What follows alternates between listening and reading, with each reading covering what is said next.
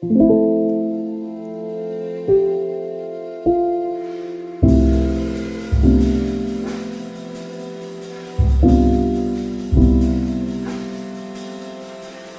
det att prata om allt? Är det till och med nödvändigt? Det här är en podcast som utforskar påståendet att hälsosamma relationer börjar med att våga säga som det är. Följ med in i en sårbart stark värld av både tårar och skratt. Varmt välkommen till Pingst relationer.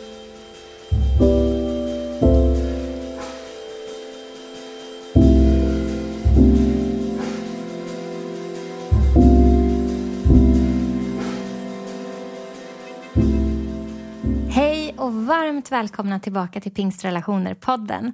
Det är så roligt att ni fortfarande är med på resan och att det blir fler och fler som lyssnar. Tusen tack till alla er som delar och sprider podden till era vänner och bekanta eller kanske till de som ni tycker behöver höra något specifikt avsnitt. Det betyder mycket. Och tack också till alla er som fortsätter att skriva in mejl och meddelanden och berätta hur podden har hjälpt er. Det är jätteroligt och det betyder mer än vad ni tror, faktiskt.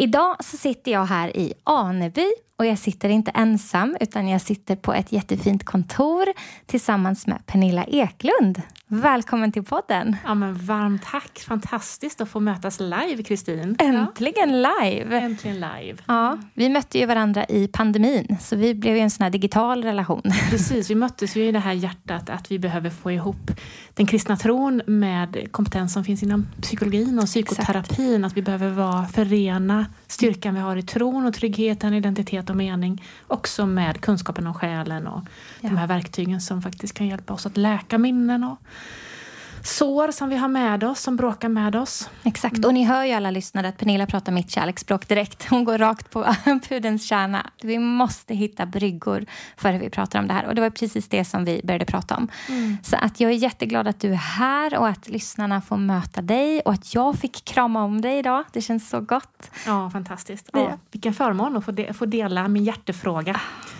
här med alla lyssnare. Så roligt. Men kan inte du berätta lite om dig själv? Gör så här att du berättar vem du är och sen så berättar du vad du gör och varför du gör det. Så mm, får du en liten mm. stund så lutar jag mig tillbaka så bara kör du på. Ja, jag kör på. Och säga frågan vem du är till en terapeut är ju vanskligt. Men jag, jag heter Pernilla Eklund. Jag är 46 år och eh, gift med Joel sedan 27 år och mamma till Anton och Ludvig som är vuxna vid det här laget. Och det är en ny säsong i mitt liv och för några år sedan så startade jag Soul Tools där jag jobbar som terapeut, lärare och författare för att få ut just det här att få ihop den kristna tron, styrkan i den kristna tron med, med psykoterapins verktyg. Mm. Jag har en masterexamen i psykoterapi på kristen grund i en unik utbildning i Danmark. Mm. International Psychotherapeutic School in Christian Culture. IPSIC. så att om någon är intresserad av att plugga psykoterapi ja. på kristen grund så kan jag tipsa om den. Så bra. Och jag kör på med tips direkt här. Eh, kör. Ja, nej men för jag har skrivit en bok utifrån den här utbildningen, mm. Verktyg för själens vård, mm. där jag på något sätt förenklar den kompetensen och kunskapen som jag har med mig därifrån för att skapa en brygga. Wow. Så att den, den kan man sätta händerna på folk som inte har någon kunskap alls innan och försökt skriva det på ett enkelt språk så att man ska kunna tillgodogöra sig enkelt. Ja, men såna här, det här, de här frågorna kan ställas, så här kan vi jobba, så här kan vi göra för mm. att få ihop det. Wow. Vem är den ja. skriven till, skulle du säga? Alltså jag skrev den ju för att vi skulle starta en själavårdsutbildning med eleverna på teamet Uppdrag. Jag har jobbat där sedan 2008 med själavård och jobbat som kursförståndare. Men nu har jag trappat ner kursförståndarskapet och eh, jobbar bara som kurator där på, på Team och uppdrag på Rallingsåsgården. Det är ju och Bibelskola Livskraft. Mm.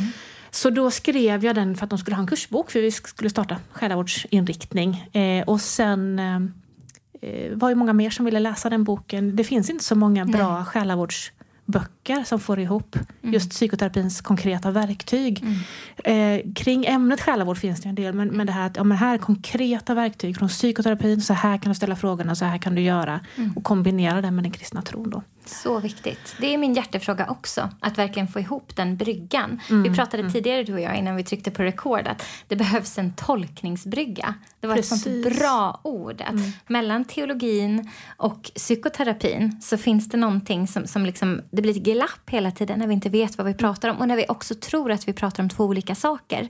Det gör vi ju inte. Nej, vi gör ju inte Nej. det. Och jag tänker i det här med anknytningsteori. Ja. Ja. Alltså Gud som vår trygga mm. förälder.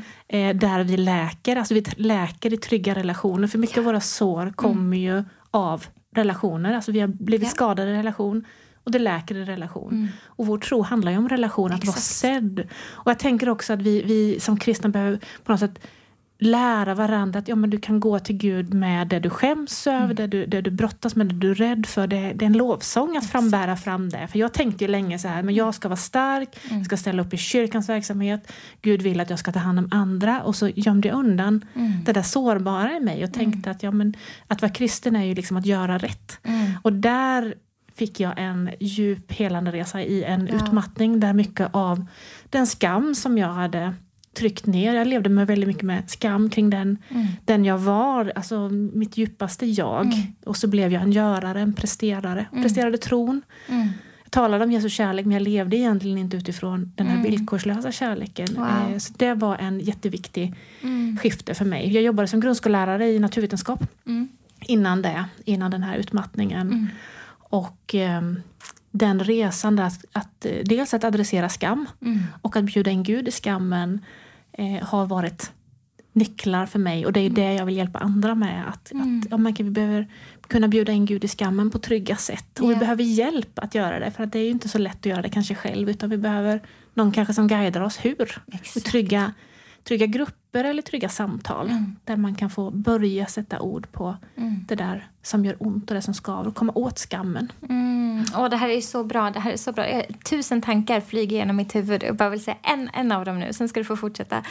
Eh, men jag tänker att att bjuda in Gud i skammen, att bjuda in Gud i det som gör ont. Jag, jag tänker så ofta på hur vi har fått det så om bakfoten. Mm. Kanske inte andra, men jag har ibland fått det om bakfoten. Att Gud på något sätt skulle vända sig bort från det som är smärtsamt, att det som är eh, skamfyllt, att det som är, och, och liksom vänta på något sätt tills vi klarar av att bli bra igen. Just det, vi ska fixa oss på ja, egen vi hand. Oss på egen hand. Ja, och sen vill han ha med oss att göra. Mm. Men det är ju motsatsen till den Jesus som jag mötte när jag var i min liksom, botten botten och innan mm. jag blev frälst. Han, han vände sig till min skam, till min skuld, Precis. till min identitetskris, kring, till min förvirring, till min ångest, till min... Allt det där som allt det där som jag trodde diskvalificerade mig från hans närhet mm. var det han vände sig till. Ja, och mötte mig mm. där. Och ville ha med det att göra. Och ville ha med det att mm. göra och ville möta mig i det och läka mig från det. Men inte läka mig från det som något som är separerat från det övriga som är hans eh, goda nyheter. Ja, alltså, du vet, det är de goda nyheterna. Mm. Att han mm. möter oss i mörkret och vill ta oss till sitt liv, till sitt ljus. Men, men det på något sätt, det, det, är inte två olika platser utan han kommer med sitt ljus till vårt mörker. Jag tänker att, att någonstans där är kanske mm. den viktigaste mötesplatsen mm. där man mm. verkligen kan lära känna Guds hjärta mm. eller förstå Guds nåd. Mm. Att det kanske ja, men det, det är där vi måste ja. lyfta fram som värsta resursen. Att mm. din, din, skam, ditt mörker, där Mm. har du värsta möjligheten att lära känna Jesus istället ja. för att det är ja, men det där har vi inte plats för i kyrkan för här är vi här är vi klara och ja. vi hjälper de andra utanför kyrkan istället ja. för bara, ja, men vi som kommer till kyrkan, vi kommer med det vi brottas med mm. och där gör vi erfarenhet av Guds nåd. Mm. Och där förvandlas vi. Och sen är det inte så att bara för att man har gjort djupa erfarenheter av Jesus att man är klar. Men får, varje dag så finns det saker i mig som jag behöver tillåta det behöver komma upp rädslor och ja. tankar om att man inte räcker till. Och, ja. ja. men verk och samma här, verkligen. Och det där ska vi prata mer om. Vi ska prata om, så att ni vet, kära lyssnare, vad ni har framför er. Vi kommer prata identitet, vi kommer prata sårbarhet, vi kommer prata om kyrkan som en faktiskt positiv aktör i det här med psykisk ohälsa och vad vi har för hopp för Guds församling i det. Mm. För det vet jag att du brinner för och det brinner jag också för.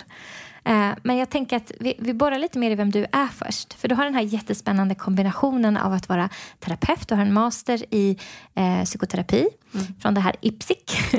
eh, och Och, vi har tittat lite på det du visade mig innan. Det var en väldigt spännande utbildning. Att de lyckas med den bryggan mellan det kliniska och det själavårdande. Jättespännande.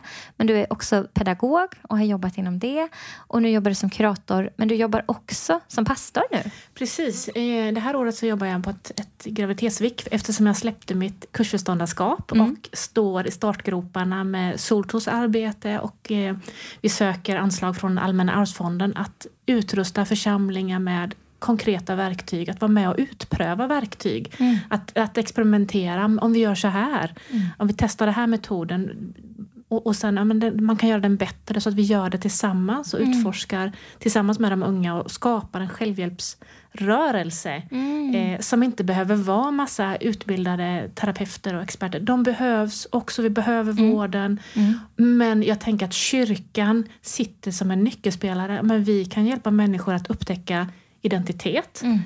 Alltså vem säger Gud att jag är? Yeah. Alltså utmana skammens yeah. förvirring som säger att du, det är fel på dig. Yeah. Bara, nej, du är den Gud säger att du är och få mm. liksom, erfarenheter av att vara sedd av Guds kärlek. Mm. Eh, och det behöver man inte vara expert utan man kan bara se, vara en god lyssnare och så mm. säger man kan vi bjuda in Gud i det här? Mm. Och vad händer? Va, va, vad får du från Gud? Va, mm.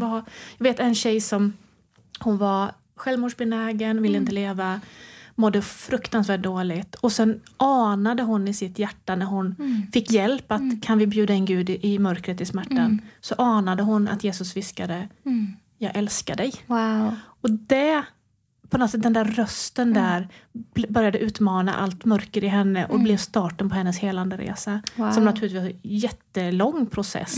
Eh, och, och, många, många erfarenheter av helanden och jobba med minnen och i samtal och grupper. och och bearbeta. Mm. Så, men idag hjälper hon många andra till wow. att bli hel. Och det började med det där mm. att, att hon fick den där tilltalet direkt från Gud själv. Där någon bara sa, men kan vi bjuda in Gud i det här? Mm. Och jag vet att du jobbar med mötesplatsen, det är ju ja. precis det att bjuda ja. in Gud i smärtan. ja. är ju, och vi som kyrka, det är bara vi som kan göra det, vården kan inte Nej. göra det och, och, ingen annan. Men vi kan komma med det verktyget på ett, i en trygg ram. Exakt. Så kan vi vara den där som ger dem nycklarna mm. till identiteten. Mm. Och sen följer så mycket annat ute på det. För då, då mm. utmanar vi skammens röst och ger ja. en annan sanning ja, än klart. den förvirring som man har runt omkring. Och så hittar man oh. mening. Jag tänker just det här med identitet och mening. Ja. Vården kan inte ge det. Nej. Men Jesus kan ge det. Ja. Och vi som hans kropp, som hans mm. händer och fötter, ögon och öron mm. eh, kan förmedla den pusselbiten som mm. liksom hålet som inte vården kan fylla. Mm, preach it! Ja. Nej, men jag tänker Moder Teresa, hon sa ja. men vi är inte sjuksystrar och professionell Nej. vård, men vi kommer med Jesus. Yeah. Och det är väl det vi som kyrka kan yeah. göra. Nej men vi är inte, nu har jag ju en masterexamen i psykoterapi, yeah. men, men eh, det är inte det som vi som folkrörelse, som kyrka, som mm. vanliga kristna kan komma med. Men Nej. vi kan vara med i en självhjälpsrörelse och hjälpa människor att få den här frågan. Kan du bjuda in Jesus i, i, i det som gör ont?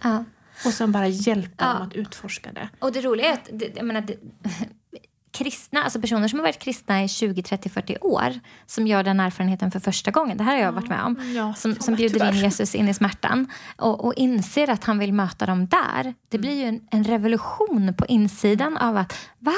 Kunde han kunde han möta, ville han ha med det här att göra? Ville han komma? Och det är fantastiskt. Men jag ska säga att det är lika det är lika häftigt att se det när ljuset går upp hos någon att han vill faktiskt ha med din smärta att göra.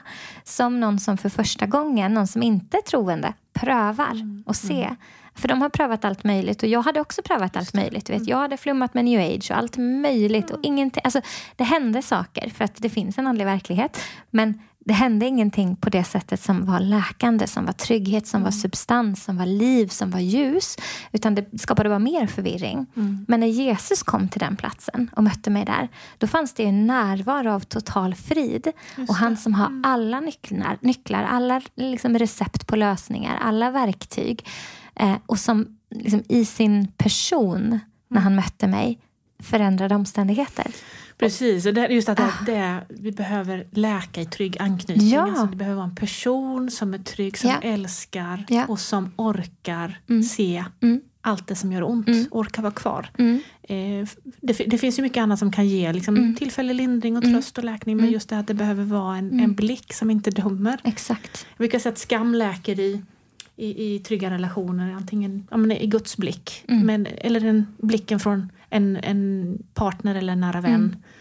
Eh, en stödgrupp mm. eh, eller en ja, terapeut, själavårdare naturligtvis. Mm. Men också när du ser på dig själv. Jag tänker att den aspekten ja. också att orka utifrån att Gud har sett på dig med kärlek ja. så kan du öva dig i att se på dig själv ja. med självmedkänsla.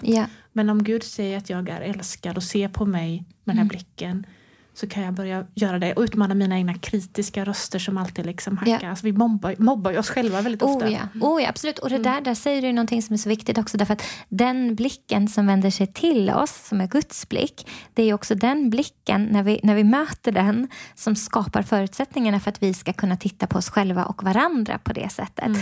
Alltså mm. det är det som på något sätt blir ja, men vi älskar för att han först har älskat oss. Ja, men det krävs ett först i det. det. Och det krävs en konstant i det. Och det krävs också att vi faktiskt tar emot av den kärleken som är konstant för att kunna vända den tillbaks till honom, till oss själva och till varandra. Det finns ett mm. först i det. Jag tänker att just ja. att våga ta emot den blicken ja. är ju väldigt läskigt. Jätteläskigt. För vi tänker att ja, men om Gud ser mig, mm. då kommer han vända sig bort. Mm. För att man, man tänker mm. så själv att men om andra verkligen såg mm, just det. det jag brottades Vanligaste med. lögnen. Ja, men precis. om de verkligen visste, då de skulle visste, de. Så skulle mm, de lämna mig. Men det är skammens röst. Det är skammens röst. Ja. Och skam eh, på något sätt läker ju när den, kommer, eller den försvinner när den kommer fram i ljuset. Den Precis. kan inte exponeras i ljus Nej. och vara kvar. Nej. Utan när man klär den i ord, ja. tar fram den så ja. Pff, ja.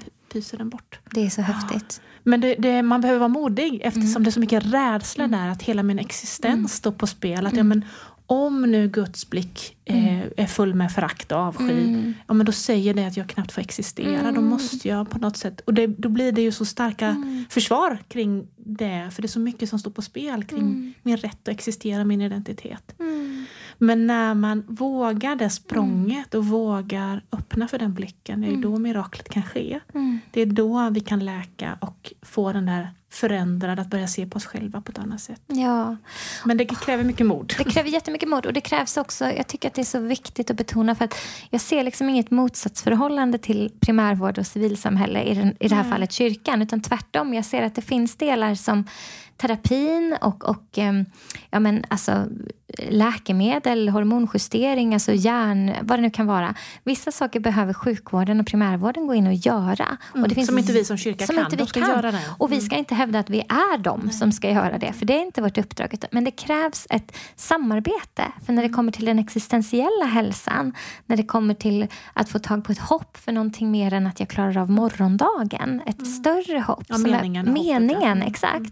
Då har kyrkan något att säga. Mm. Så jag längtar ju, och jag brukar säga det ofta i podden, men jag längtar ju till den dagen då vårdcentralerna faktiskt hänvisar folk till kyrkan också. Inte att mm. säga att istället för, för jag tror på primärvården, men, ja. men, men också som ett komplement. Att, um, det var någon som sa, men var inte det förra avsnittet med Erika Bergman? Jag tror att det var hon som delade den historien om det. Du är ju andra EFK, eh, vad heter det?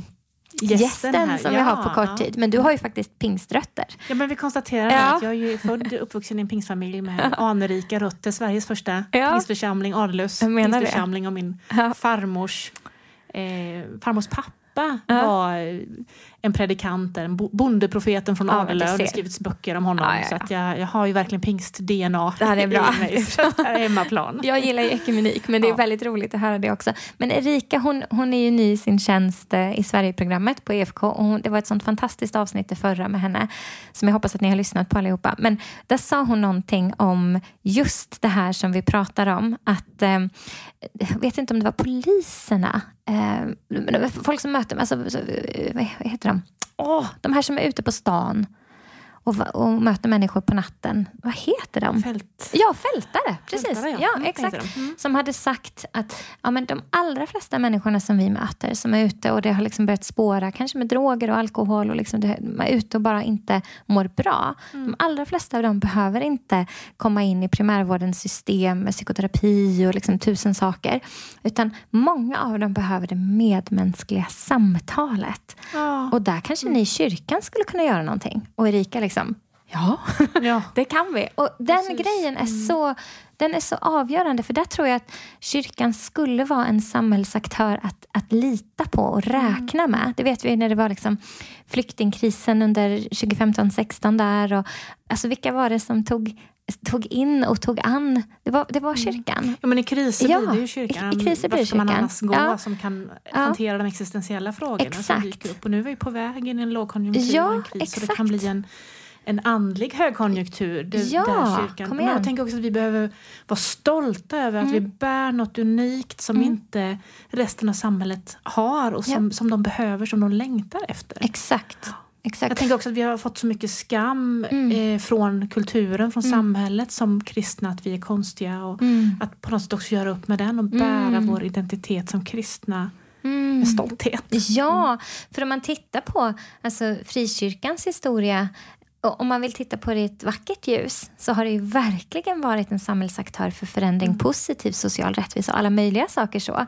Eh, och jag tänker att nu är vi igen i en sån säsong då vi ser en sån mm. enorm lavin av psykisk ohälsa. Mm. Alltså man, om man räknar med de mm. psykiatriska diagnoserna så har vi 40 procent av, av Sveriges befolkning som är direkt mm. drabbad. Mm. Och jag vet att de här kliniska diagnoserna som liksom bipolaritet och schizofreni och de här, de ökar ju inte speciellt mycket utan de håller Nej, sig men, ju... Där, de, ja. där är ju med, där behöver vården vara ja. till dem. Ja. Men all, allt det här ah. när vi har blivit sjuka i själen ja. för att vi lever i en sjuk kultur. Ja, så ångest och stress och depression och oro och eh, tvångssyndrom och ätstörningar, allt det där det ökar ju.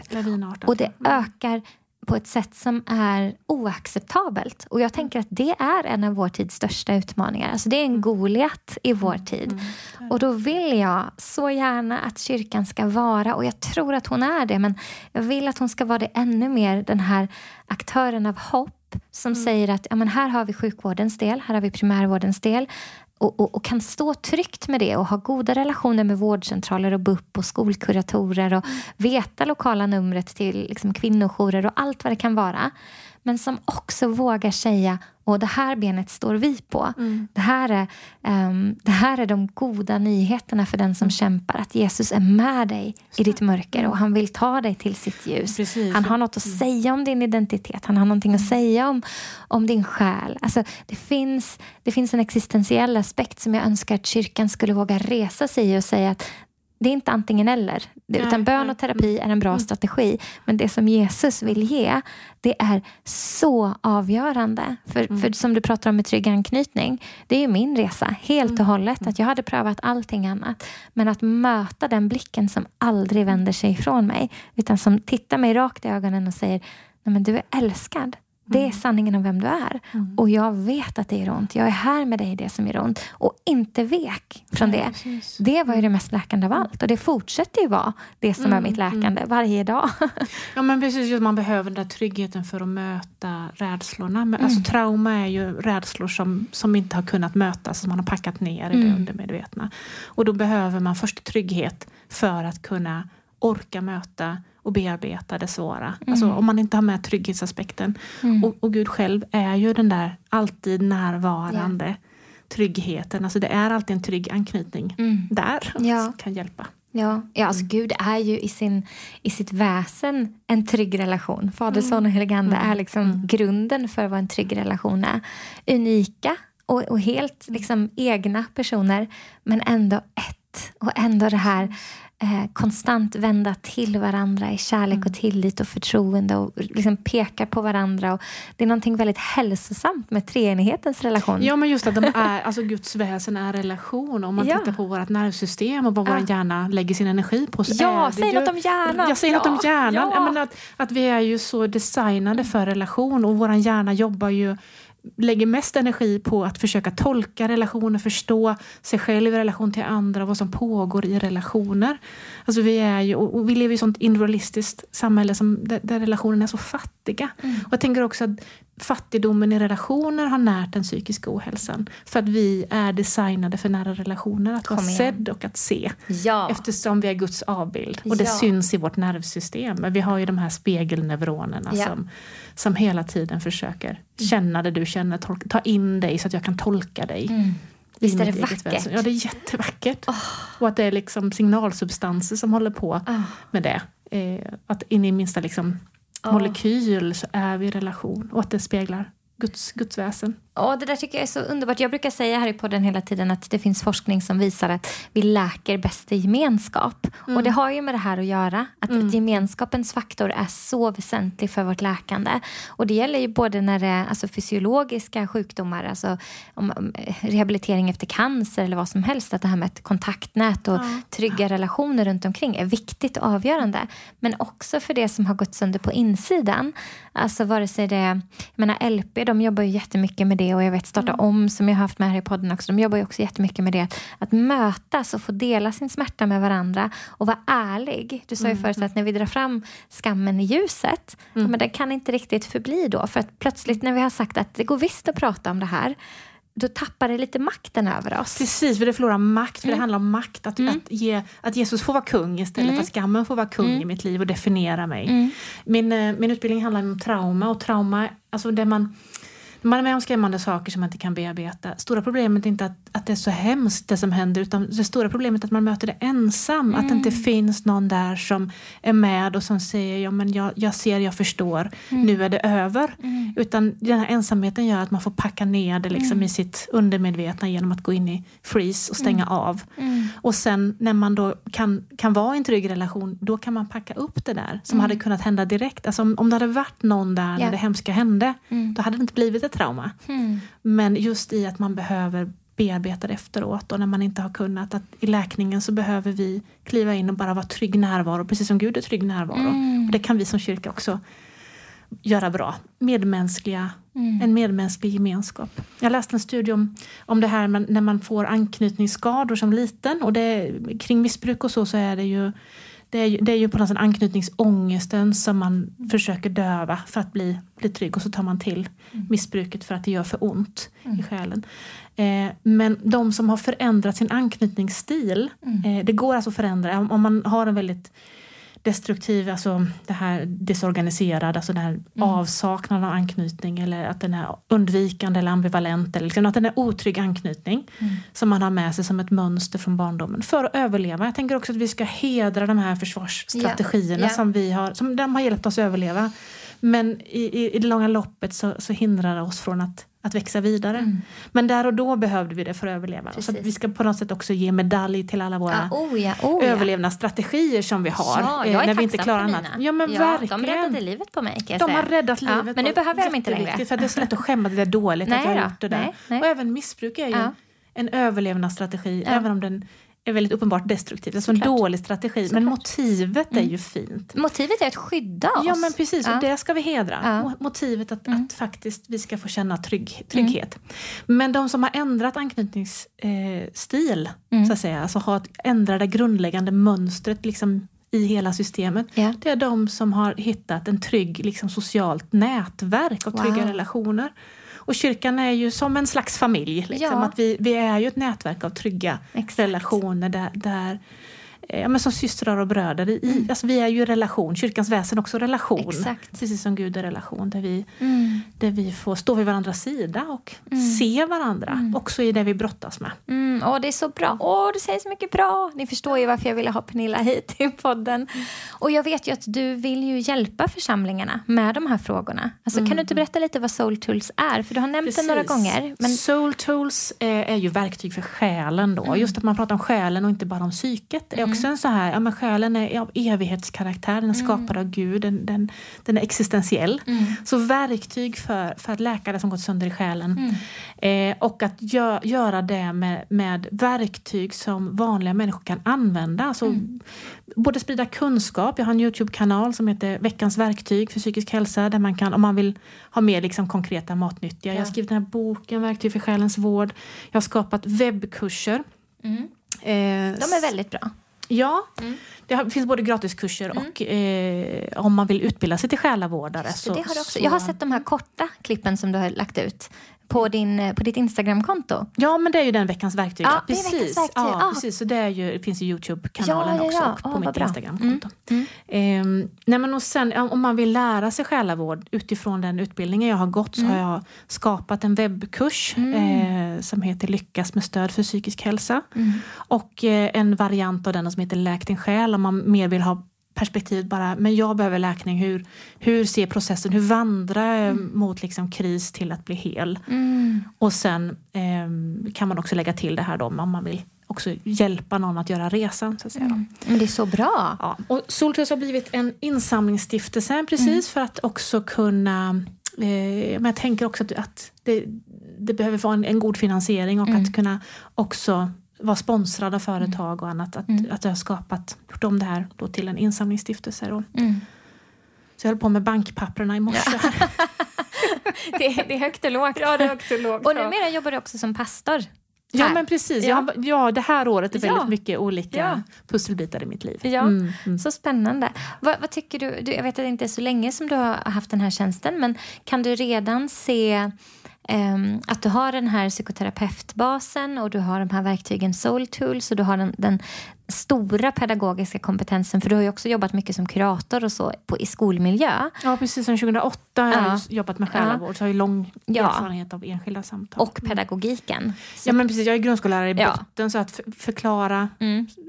Avancerade saker så Ja. att folk förstår Ja, det. Det har jag mycket träning på. Sen du klev in som pastor, Mm. har du märkt att den här bryggan, tolkningsbryggan som du ändå på något sätt besitter i och med att du har både de teologiska kunskaperna och de psykoterapeutiska kunskaperna men också lyckas jobba i spänningsläget. Har du märkt att det har varit till nytta redan? Det är ju inte jättelång Ja tid. men verkligen, Men, ja. det, det, det märker jag ju. Och sen tänker jag också att som pastor när man kliver in att skapa en god kultur, en sund kultur. Så att en, när jag predikade så läste jag mitt vittnesbörd om min resa från skam. Mm. Hur Gud kom in i mörkret och Mm. mötte, mötte precis det här med blicken. Mm. Och att börja göra upp med skammen och lögnerna som bor där. Och så den här resan. Så jag läste det som en, en predikan för att ja, men, skapa en kultur i församlingen. För Mm. att om människor säger att ja, men, hon är också en som brottas. Mm. Ja, men vi kan mötas i ögonhöjd. Hon kommer inte här som någon Nej. andlig ledare som, som är stark. Och, utan man kan, ja, Mm. jag är ledare men jag är också sårbar. Eh, att, att mitt hjärta är, är mjukt istället Mm. för att jag är en som har alla svar. Mm. Sen har jag gjort erfarenheter som gör att jag kan leda andra Mm. men jag är fortfarande Pernilla som brottas med livet och Mm. inte, inte skäms över Mm. eh, att jag inte är perfekt. Och det, där, och det här vill jag prata mer om. För att församlingskultur det är en del av de sakerna som jag jobbar med också i, i min tjänst. Mm. Och det här brinner jag för verkligen. För att det du säger nu det är att sårbart ledarskap blir väldigt tydligt och tryggt ledarskap. Mm. För att jag tänker att det finns en, en ehm, jag tror att ibland när vi pratar om sårbarhet i församlingskultur så är det många som drar öronen åt sig och bara nej men det här, det här kan inte vara bra för att de får någon bild av att det skulle vara att människor går upp och delar mitt i krisen och del över, alltså använder talarstolen som någon slags terapisession för sig själv. För så har den ju missbrukats Mm. och då ibland. kan det bli och det, eftersmak på det. det blir inget bra. nej. men det är inte det som vi menar när vi pratar om sårbarhet. Utan sårbarhet tänker jag i alla fall, du får säga vad du tänker. Men jag tänker att när vi pratar om det utifrån ett ledarskapsperspektiv så handlar det just om det du sa. Det här är varför ni kan lita på mig när jag säger det här. För jag är också människa. Och jag har fått tag på den där staven av tröst och reste mig upp ur dödsskuggans dal och satt riktningen mot de gröna ängarna. Men jag är på en vandring, precis som du. Men kom så kan vi luta oss mot staven tillsammans. För mig är det ett väldigt tryggt ledarskap. Jag, jag söker inte perfekta ledare. Men när jag pratar församlingskultur då brukar jag ofta prata om tillit, och sårbarhet och tydlighet. Alltså att det ska finnas tillit i församlingen, att det ska finnas sårbarhet i församlingen och att det ska finnas en tydlighet. Och tydligheten är också i riktningen hos ledaren. Att, att det är hit vi går.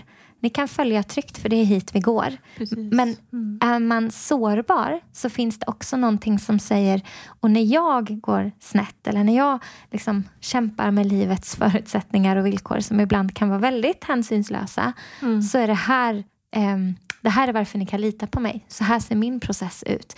Det här är vad jag Mm. låter Jesus göra i mitt liv. Det här är människorna jag har runt omkring mig som har min rygg. Det här är, så här heter min mentor. Det här är min själavårdare. Vad det nu kan vara. Att det finns ett, en, en öppenhet som skapar tillit i att vi lever som vi lär som ledare. Det tror jag är så viktigt. Mm. Mm. Tänker du om det? Ja men just att, att det handlar inte om att vara perfekt utan att, att eh, ja, men jag har gjort erfarenheter så jag kan ta en riktning. Jag Mm. vet vartåt vi behöver gå. Jag kan på något sätt förstå vad det är och kunna vägleda dig och säga Mm. gå, gå i den här riktningen Mm. istället för att ehm, Alltså att, att, hjälpa människor att själva gå mot korset, att gå till Jesus istället för att jag kontrollerar mm. människor. För, för, när vi vill låtsas vara perfekta mm. så blir det lätt att vi tar till kontroll. Och jag tänker att, att um, om, utan sårbarhet så blir det kontroll. Ja. Och då blir det en dålig eftersmak på ett ledarskap som är mm. kontrollerande. Mm. Och jag tror att just bristen på att faktiskt få vara sårbara som mm. ledare, en sårbar kultur har kanske också gjort att kyrkan ibland har hamnat snett och att det har blivit det här att, att människor har känt sig eh, ja, men nästan utnyttjade och kontrollerade. Mm. Att det mm. blivit en, dysfunktionell, mm. en dysfunktionalitet. Jag tänker dysfunktionella familjer så är det väldigt mycket mm. olika saker som kontrollerar. Mm. Istället för att det är den här, mm. eh, som du sa så bra, liksom tilliten, Sårbarhet, sårbarheten och tydligheten. Att när man inte ja, när, när, man, när skammen är herre så tar man till kontrollen och ja. då tappar man de här grejerna. Just det.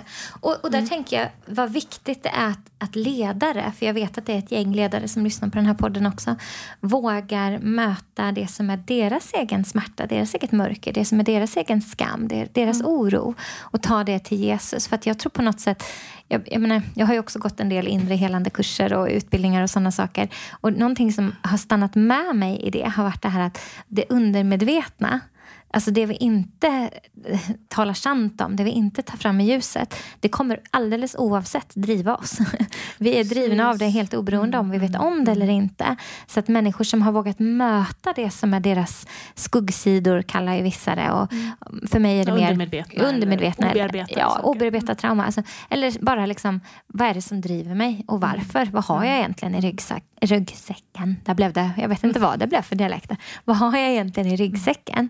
Eh, för det är det som driver mig. Så jag litar mer på ledare som har vågat möta de sidorna av sig själva och de delarna av sin historia och de delarna av sin resa som människa än de som liksom säger att nej men jag, nej, allt har bara alltid varit bra. Livet, mm. men det vet inte så många ja, som säger så. Men du vet vad jag menar.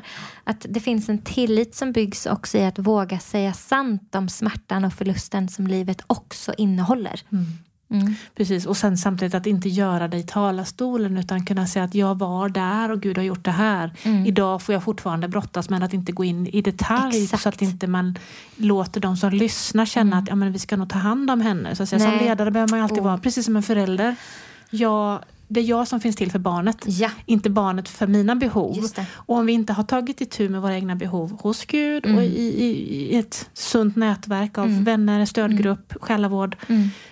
Där vi själva får äta oss mätta mm. så kommer vi utnyttja de vi leder för våra egna behov.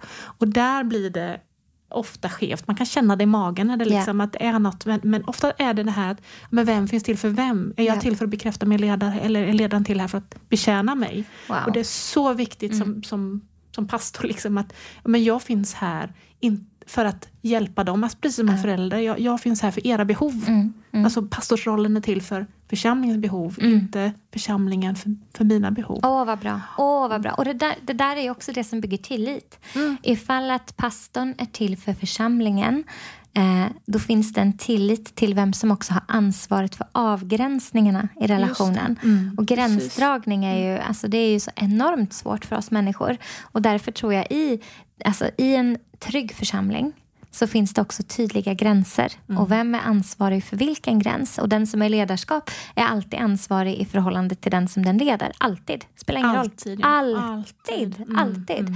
Mm. Eh, och sånt är så viktigt att också veta. Men där tänker jag för våra egna processer. Och jag tänker när vi möter människor som kämpar med sin psykiska hälsa, som både du och jag möter och, och, och som vill liksom där blir det också så viktigt att man är medveten om vad man själv har i ryggsäcken. Mm. För vi mm. människor, apropå de här spegelneuronerna, när vi faktiskt visar empati för varandra, det kan ju bli nästan som ett beroende, därför att det frigörs ja. ju oxytocin och vi känner att vi liksom kopplar och vi mm. bondar och vi um, vi känner att vi har gjort någonting meningsfullt och åh vad jag var till hjälp. Och det kan nästan bli mm. som en beroendedrog. Speciellt om man har varit i medberoende relationer innan. Mm. Då kan det bli någonting som, då gör man det från fel källa. Så där är det också så viktigt mm. att ha koll på sig själv. Precis, att vara hjälpnördig. Att man, man blir liksom, ja. tvångsmässigt går runt och hjälper för att ja. det är då jag får mitt värde. Mm. Om man pratar om dysfunktion så pratar man om tre olika mm. roller. Då, som att, att man kan vara räddaren eller så kan man vara offret, offerrollen eller förövarrollen, alltså den här som talar om hur, hur dåliga alla andra är. Så att mm. säga. Eh, och jag tänker att i kyrkan är risk att vi inte ser upp med, med räddarrollen som, Mm. som kristna ledare, att vi får vårt värde genom att vara den där räddaren. Och egentligen maskerar vi vår egen skam. Wow. Eh, istället för att, ja, men för att jag är älskad så är jag fri Mm. att hjälpa oavsett. Alltså, och om jag inte hjälper en annan människa så förändrar inte det mitt värde. Men Säg det där igen. alltså, om jag inte hjälper en annan människa så, så förändrar inte det mitt värde. Mm. Eh, men det är ju alltså det är Guds hjärta att vilja hjälpa och trösta och hela. Och att få göra det utifrån en inre frihet istället för den här tvångsmässiga hjälpnödigheten. Just det. Åh, det Men det kan se likadant ut på utsidan så det kan vara lite lurigt att upptäcka det. Men, men det, det känns liksom i Mm. eftersmaken. Alltså när du säger det här, då tänker jag att i allting som, som är att vara kyrka handlar på något sätt om att kunna hålla balansen, spännings, eh, inte balansen, eh, hålla nyanserna av, av det här spänningsläget hela tiden. Vi ska bära varandras bördor. Vi ska ehm, älska varandra som Jesus har älskat oss. Alltså det finns någon slags förväntan på en gemenskap som bär. Men balansen åt andra hållet, alltså eh, vikten på något sätt behöver vara i vad det står i första Korinthierbrevet att kärleken, allt bär den. Och det, det är en beskrivning av vem Gud är. Att det är kärleken som bär allt. Det är inte jag som bär allt när jag agerar i Guds Precis, kärlek. ansvar. ja, det är han Alltså att som bär. Vi tar så lätt felaktigt Ja. ansvar Ja. för andras liv. Ja, och vi kan inte leva andras liv men, men vi kan stå vid andras sida. Alltså att inte ta felaktigt ansvar. Jag vet inte hur ofta jag, Ja, jag vet. återkommer till det i, i samtalet. Jag inte återkommer till det i mitt eget liv. Ja, men tiden. precis, varje dag. trodde det var det du skulle säga. Jag bara, jag med, jag med. Jag kämpar också.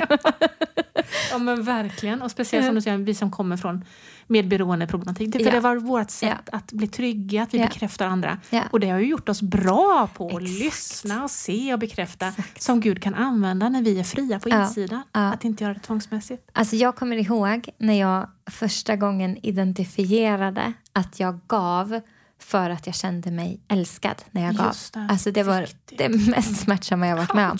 För att man levt ett helt liv, ett helt, helt liv nästan då.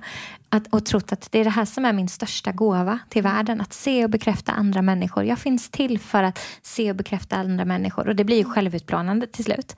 Och så hade jag gått på den här resan av läkande, etapp fem ungefär. För att det har varit ungefär 25 stycken etapper. Ja, Men du vet, någonstans det. på resan var jag. Och så hade Gud gjort ett så pass stort verk i mitt hjärta att jag hade börjat förstå att nej, men jag, jag kan rätt falla in i medberoende tendenser.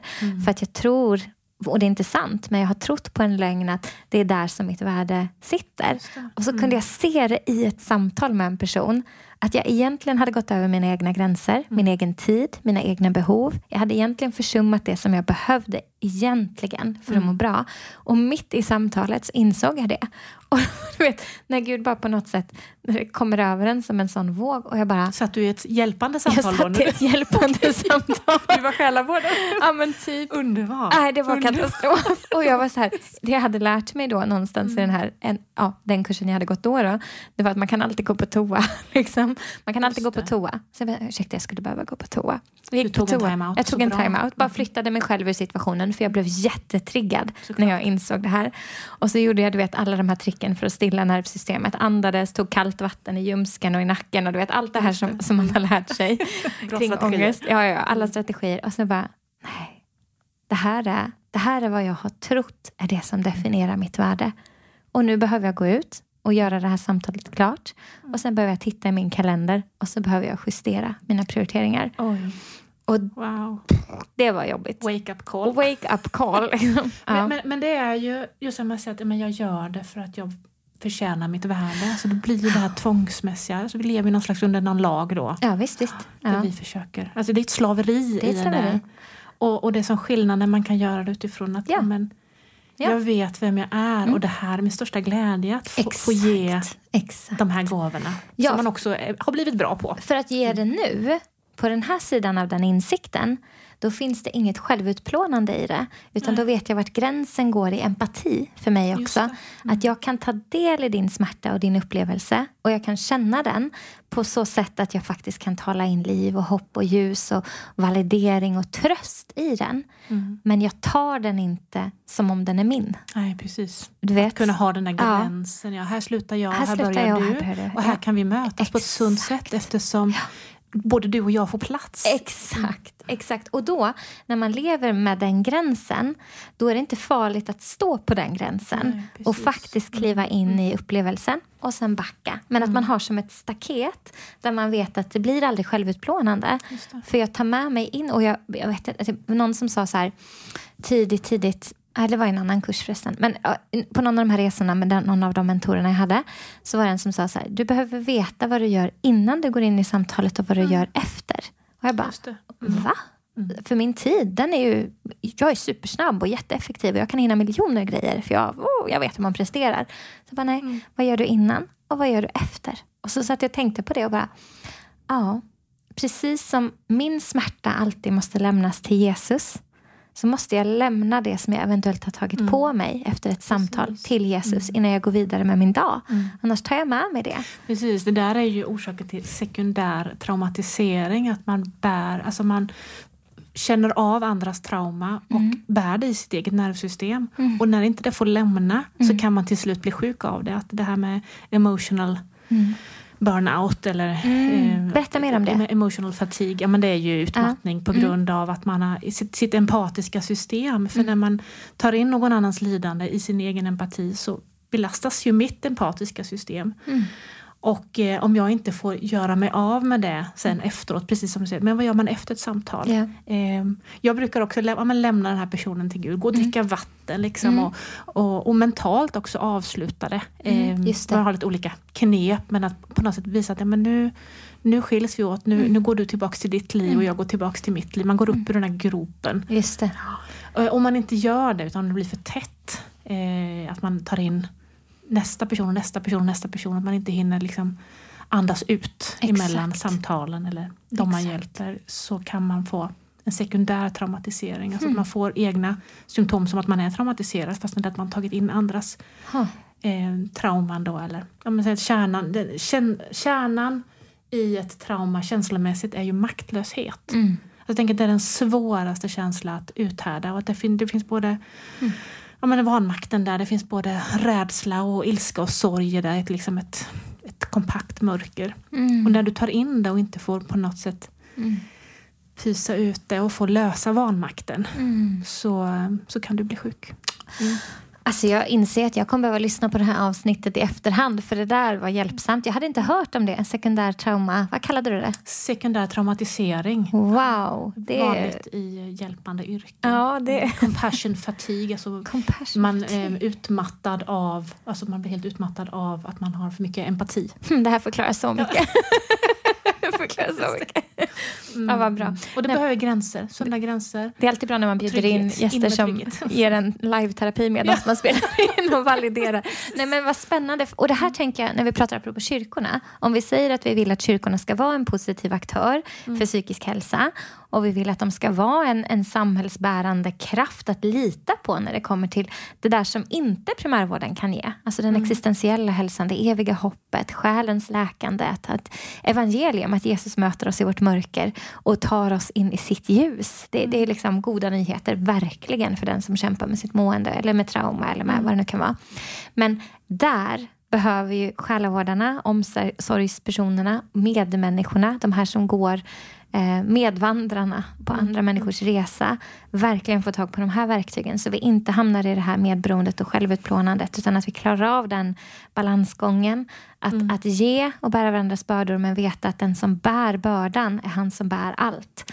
Precis. Precis. Och, och därför tror jag så mycket just på, på stödgrupper. Jag jobbar med tolvstegsprogrammet. Mm. Bland annat Tolvstegsresan har gjort min egen version som finns på Youtube. Om man vill jobba så är det liksom fria resurser Och vad bra. för det. Eh, och ska man kontakta mig för, så kan man få lathundar. Och, Mm. För då har du så trygga ramar. Då blir du inte... Då, då sitter du verkligen vid, vid varandras sida men du går inte in och fixar eller försöker hjälpa för mycket. Utan Ja.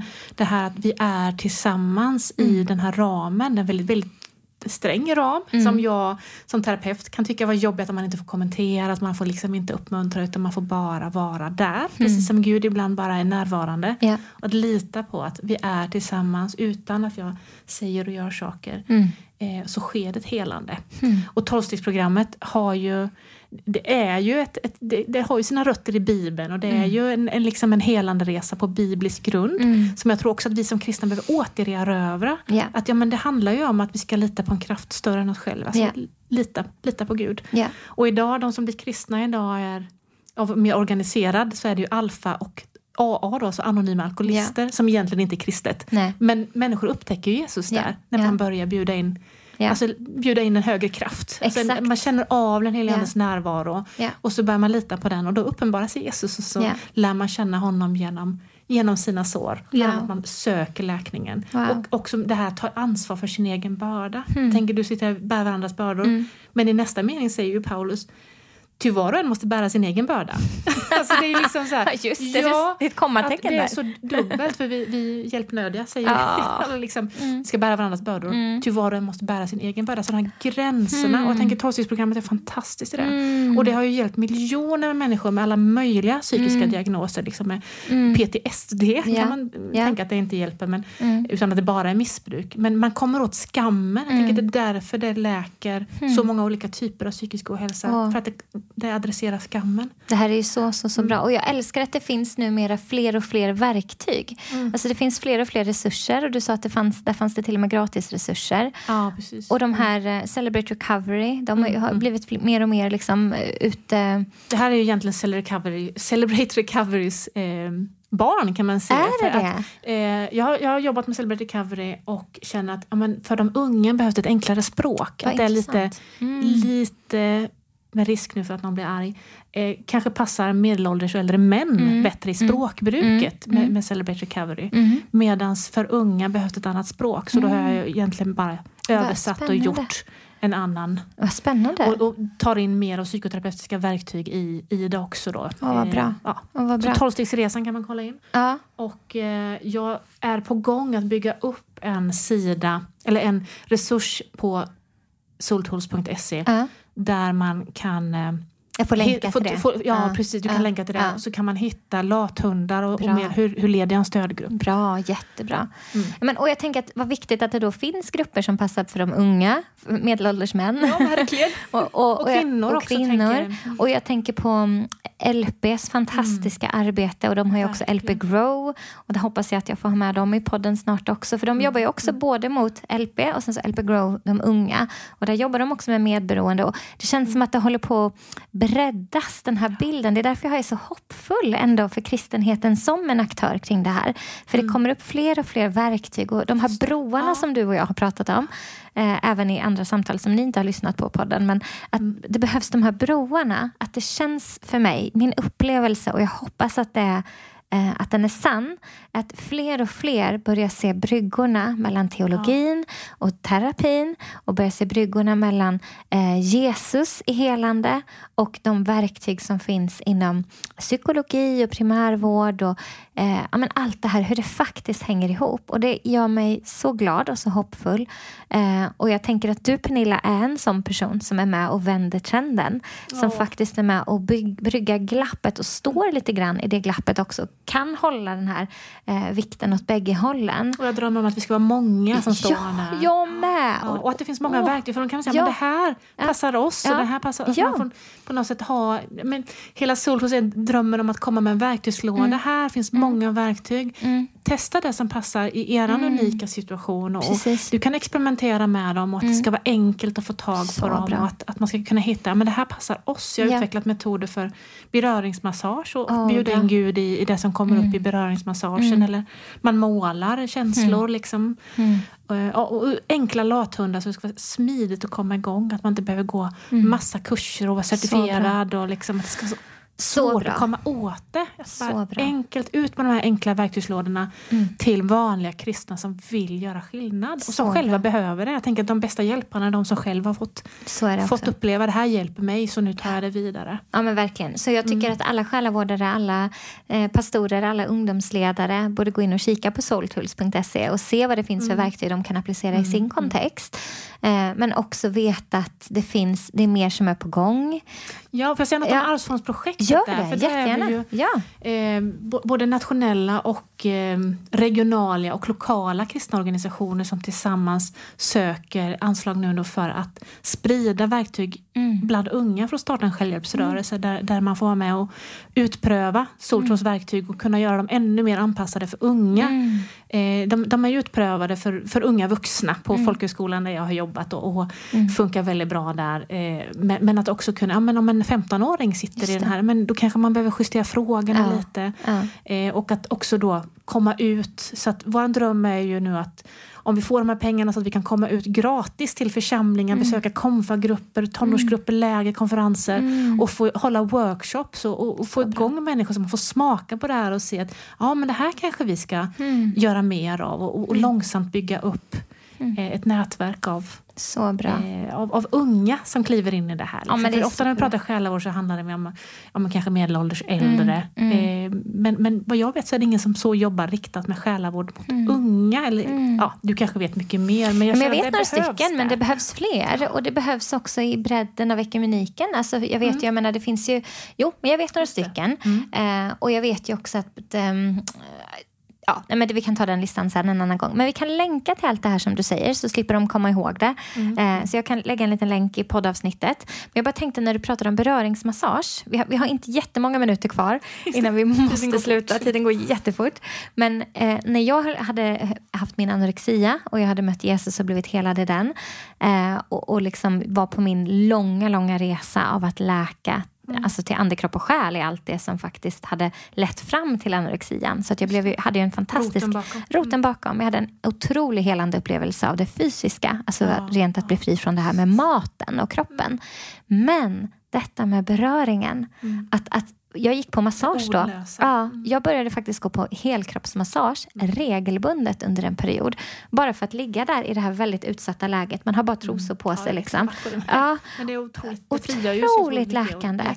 och, och för mig var det verkligen, alltså det, det var någonting som jag kände var så gudagivet att få gå på massage och att känna att varje del av min kropp är värd beröring. Min kropp är värd eh, positiv fysisk närvaro. Min kropp är trygg. Jag är trygg i min kropp. Jag kan sätta gränser för min kropp. Alltså, alla de här sakerna som hände i det ordlösa av att någon masserade mig. Och att jag fick också säga till henne, ja, men, lite mer tryck där på axlarna. Liksom. Eller, nej men där gör det ont. Och, och sätta gränser för kroppen var någonting fantastiskt läkande.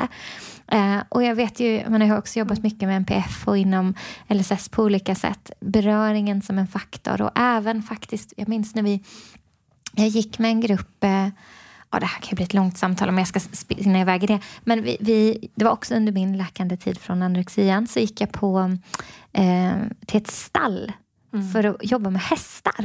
Ja. Ja, Det för att, hjälper mig jättemycket med Ja. att jobba med hästar. att, att, lyfta på, att lyckas få hästens tillit och kunna, att den kunde lyfta på hoven och jag kunde få den så att jag kunde krafsa. Att det fanns någonting i det som var läkande också, den här stora liksom, force of nature som en häst är. Och så jag med min lilla anorektiska kropp som liksom kämpade. Och så bara, fast kontroll är inte vad jag trodde att kontroll var. Kontroll är tillit. För hästen behövde lita på mig för att den skulle lyfta på benet. Och jag behöver lita på mig själv. För att, alltså det var så det. mycket Men du i måste det vara där. hemma hos dig ja, själv för hemma hos mig själv. Ja. få hästen att lita. Ja, Mm, det är också exakt min erfarenhet med, Ja. just med hästar. Ja, Att om jag inte är på plats i mig själv så, Ja. så märks det på hästen. ja, Är jag på plats i mig själv så, så direkt så Mm. får jag tilliten. intressant. Så att ska man kunna leda sig själv så är ju det där att vara, vara hemma i sig själv Ja. och vara i sin kropp som är vårt hem. Mm. Och beröringen eh, stimulerar det här med, med anknytning. Alltså när, Mm. när oxytocin frigörs Mm. så kan vi också öppna vårt hjärta för att Mm. vara sedda och må, både ge och ta emot Mm. i den här kontakten, intimiteten. Mm. Så att det är... eh, Vad, ja, vad tror du pandemin gjorde där för, för vår psykiska hälsa när vi blev ombedda att hålla två meters avstånd och inte röra varandra, inte röra varandra, inte röra varandra? Ja, men mitt hjärta går sönder för Ja. de som inte han, Ja. har någon att krama någon och vara nära. Mm. Mm. Eh, nej, men jag tror verkligen att det har skapat mer trauma, Mm. ensamhet, utanförskap och Mm. mer men självförakt. Skammen bor ju också i kroppen. Mm. Så jag tänker det du upplevde där var ju Mm. verkligen att skammen fick läka. Ja. Skammen som satt Ja. fysiskt. Ja, Skammen absolut. sitter ju liksom i nervsystemet och Ja. ute i hela kroppen. För traumat lagras ju i kroppen. Ja, kroppen minns ju. Kroppen minns. Ja. Precis. Mm. Ja, du, nu är vi uppe i 57 minuter. Ja.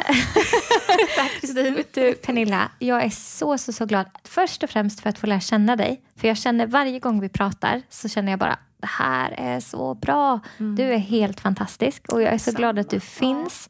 Och jag är så glad att du finns här, där du finns just nu i de olika tjänsterna. Men jag är också glad att du finns i den nationella tjänsten som Soul Tools blir, som kan faktiskt sprida sig över hela vårt land. Och att vi får samarbeta och att jag får vara med och ja, men stötta på de sätt jag kan och att vi kan bygga tillsammans. Och jag vet också Johanna och Christian som jag samarbetar mycket med i Starta om, de talar ju så extremt väl om dig. Oh, och den, den eh, person som du är, men också den kunskapskälla som du är. Och det får jag säga efter vårt möte nu att oj, oj, oj, ja, det här vill jag ha mer av.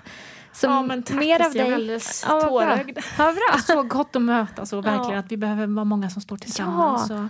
Ja. Nu har vi fördjupat våra relationer ja. här. Och, ja. Mer av det. Mm, mer nätverk. Kan vi inte göra det här igen? Gärna. Bra. Då tackar jag dig för att du kom tillbaka. Är det någonting annat du vill säga innan vi avslutar så får du det. Den skulle jag tänkt på innan. Nej, det behöver du inte. Du har sagt så mycket bra. Men eh, om det var någon så här, oh, det här vill jag verkligen få sagt också. Mm. Nej, men då vill jag säga så här, Gud slösar aldrig bort en smärta. Gud slösar aldrig bort en smärta. Så den som lyssnar och känner att ja, men min smärta, ja, men jag sitter så fast. Ja, men mm. Gud slösar aldrig bort det. För mm. mig och för dig, mm. Kristin, mm. så har det ju blivit vår viktigaste resurs. Ja, 100 procent. Ja. Vi skulle inte kunna göra det vi gör utan, utan smärtan som Nej. vi gått igenom. Men det har blivit mm. någonting som Gud använder. Så Gud slösar inte bort en smärta. Så bra. Mm. Så bra. Jag brukar säga att, att eh, alla mina R på insidan har Gud lagt sitt guld i. Mm. Så nu är det de platserna jag är som starkast på det, och faktiskt bra. kan använda. Mm. Okej, okay. tack Pernilla. Tack Kristin. Och tack till alla er som har lyssnat återigen. Jag förstår att det här var mer än en munsbit och ni fick eh, säkert eh, ni fick gå en längre promenad än vad ni brukar göra för att hinna lyssna på alltihopa. Men det var bra, det var värt det. Och vi hade kunnat sitta en timme till utan problem. Eh, men det får bli nästa avsnitt. Men jag hoppas att du som lyssnar har fått hopp för att du inte är ensam i det som gör ont. Att det finns verktyg till läkande och att det finns också resurser och människor som vill gå med dig på din resa. Du är inte ensam och det är inte kört.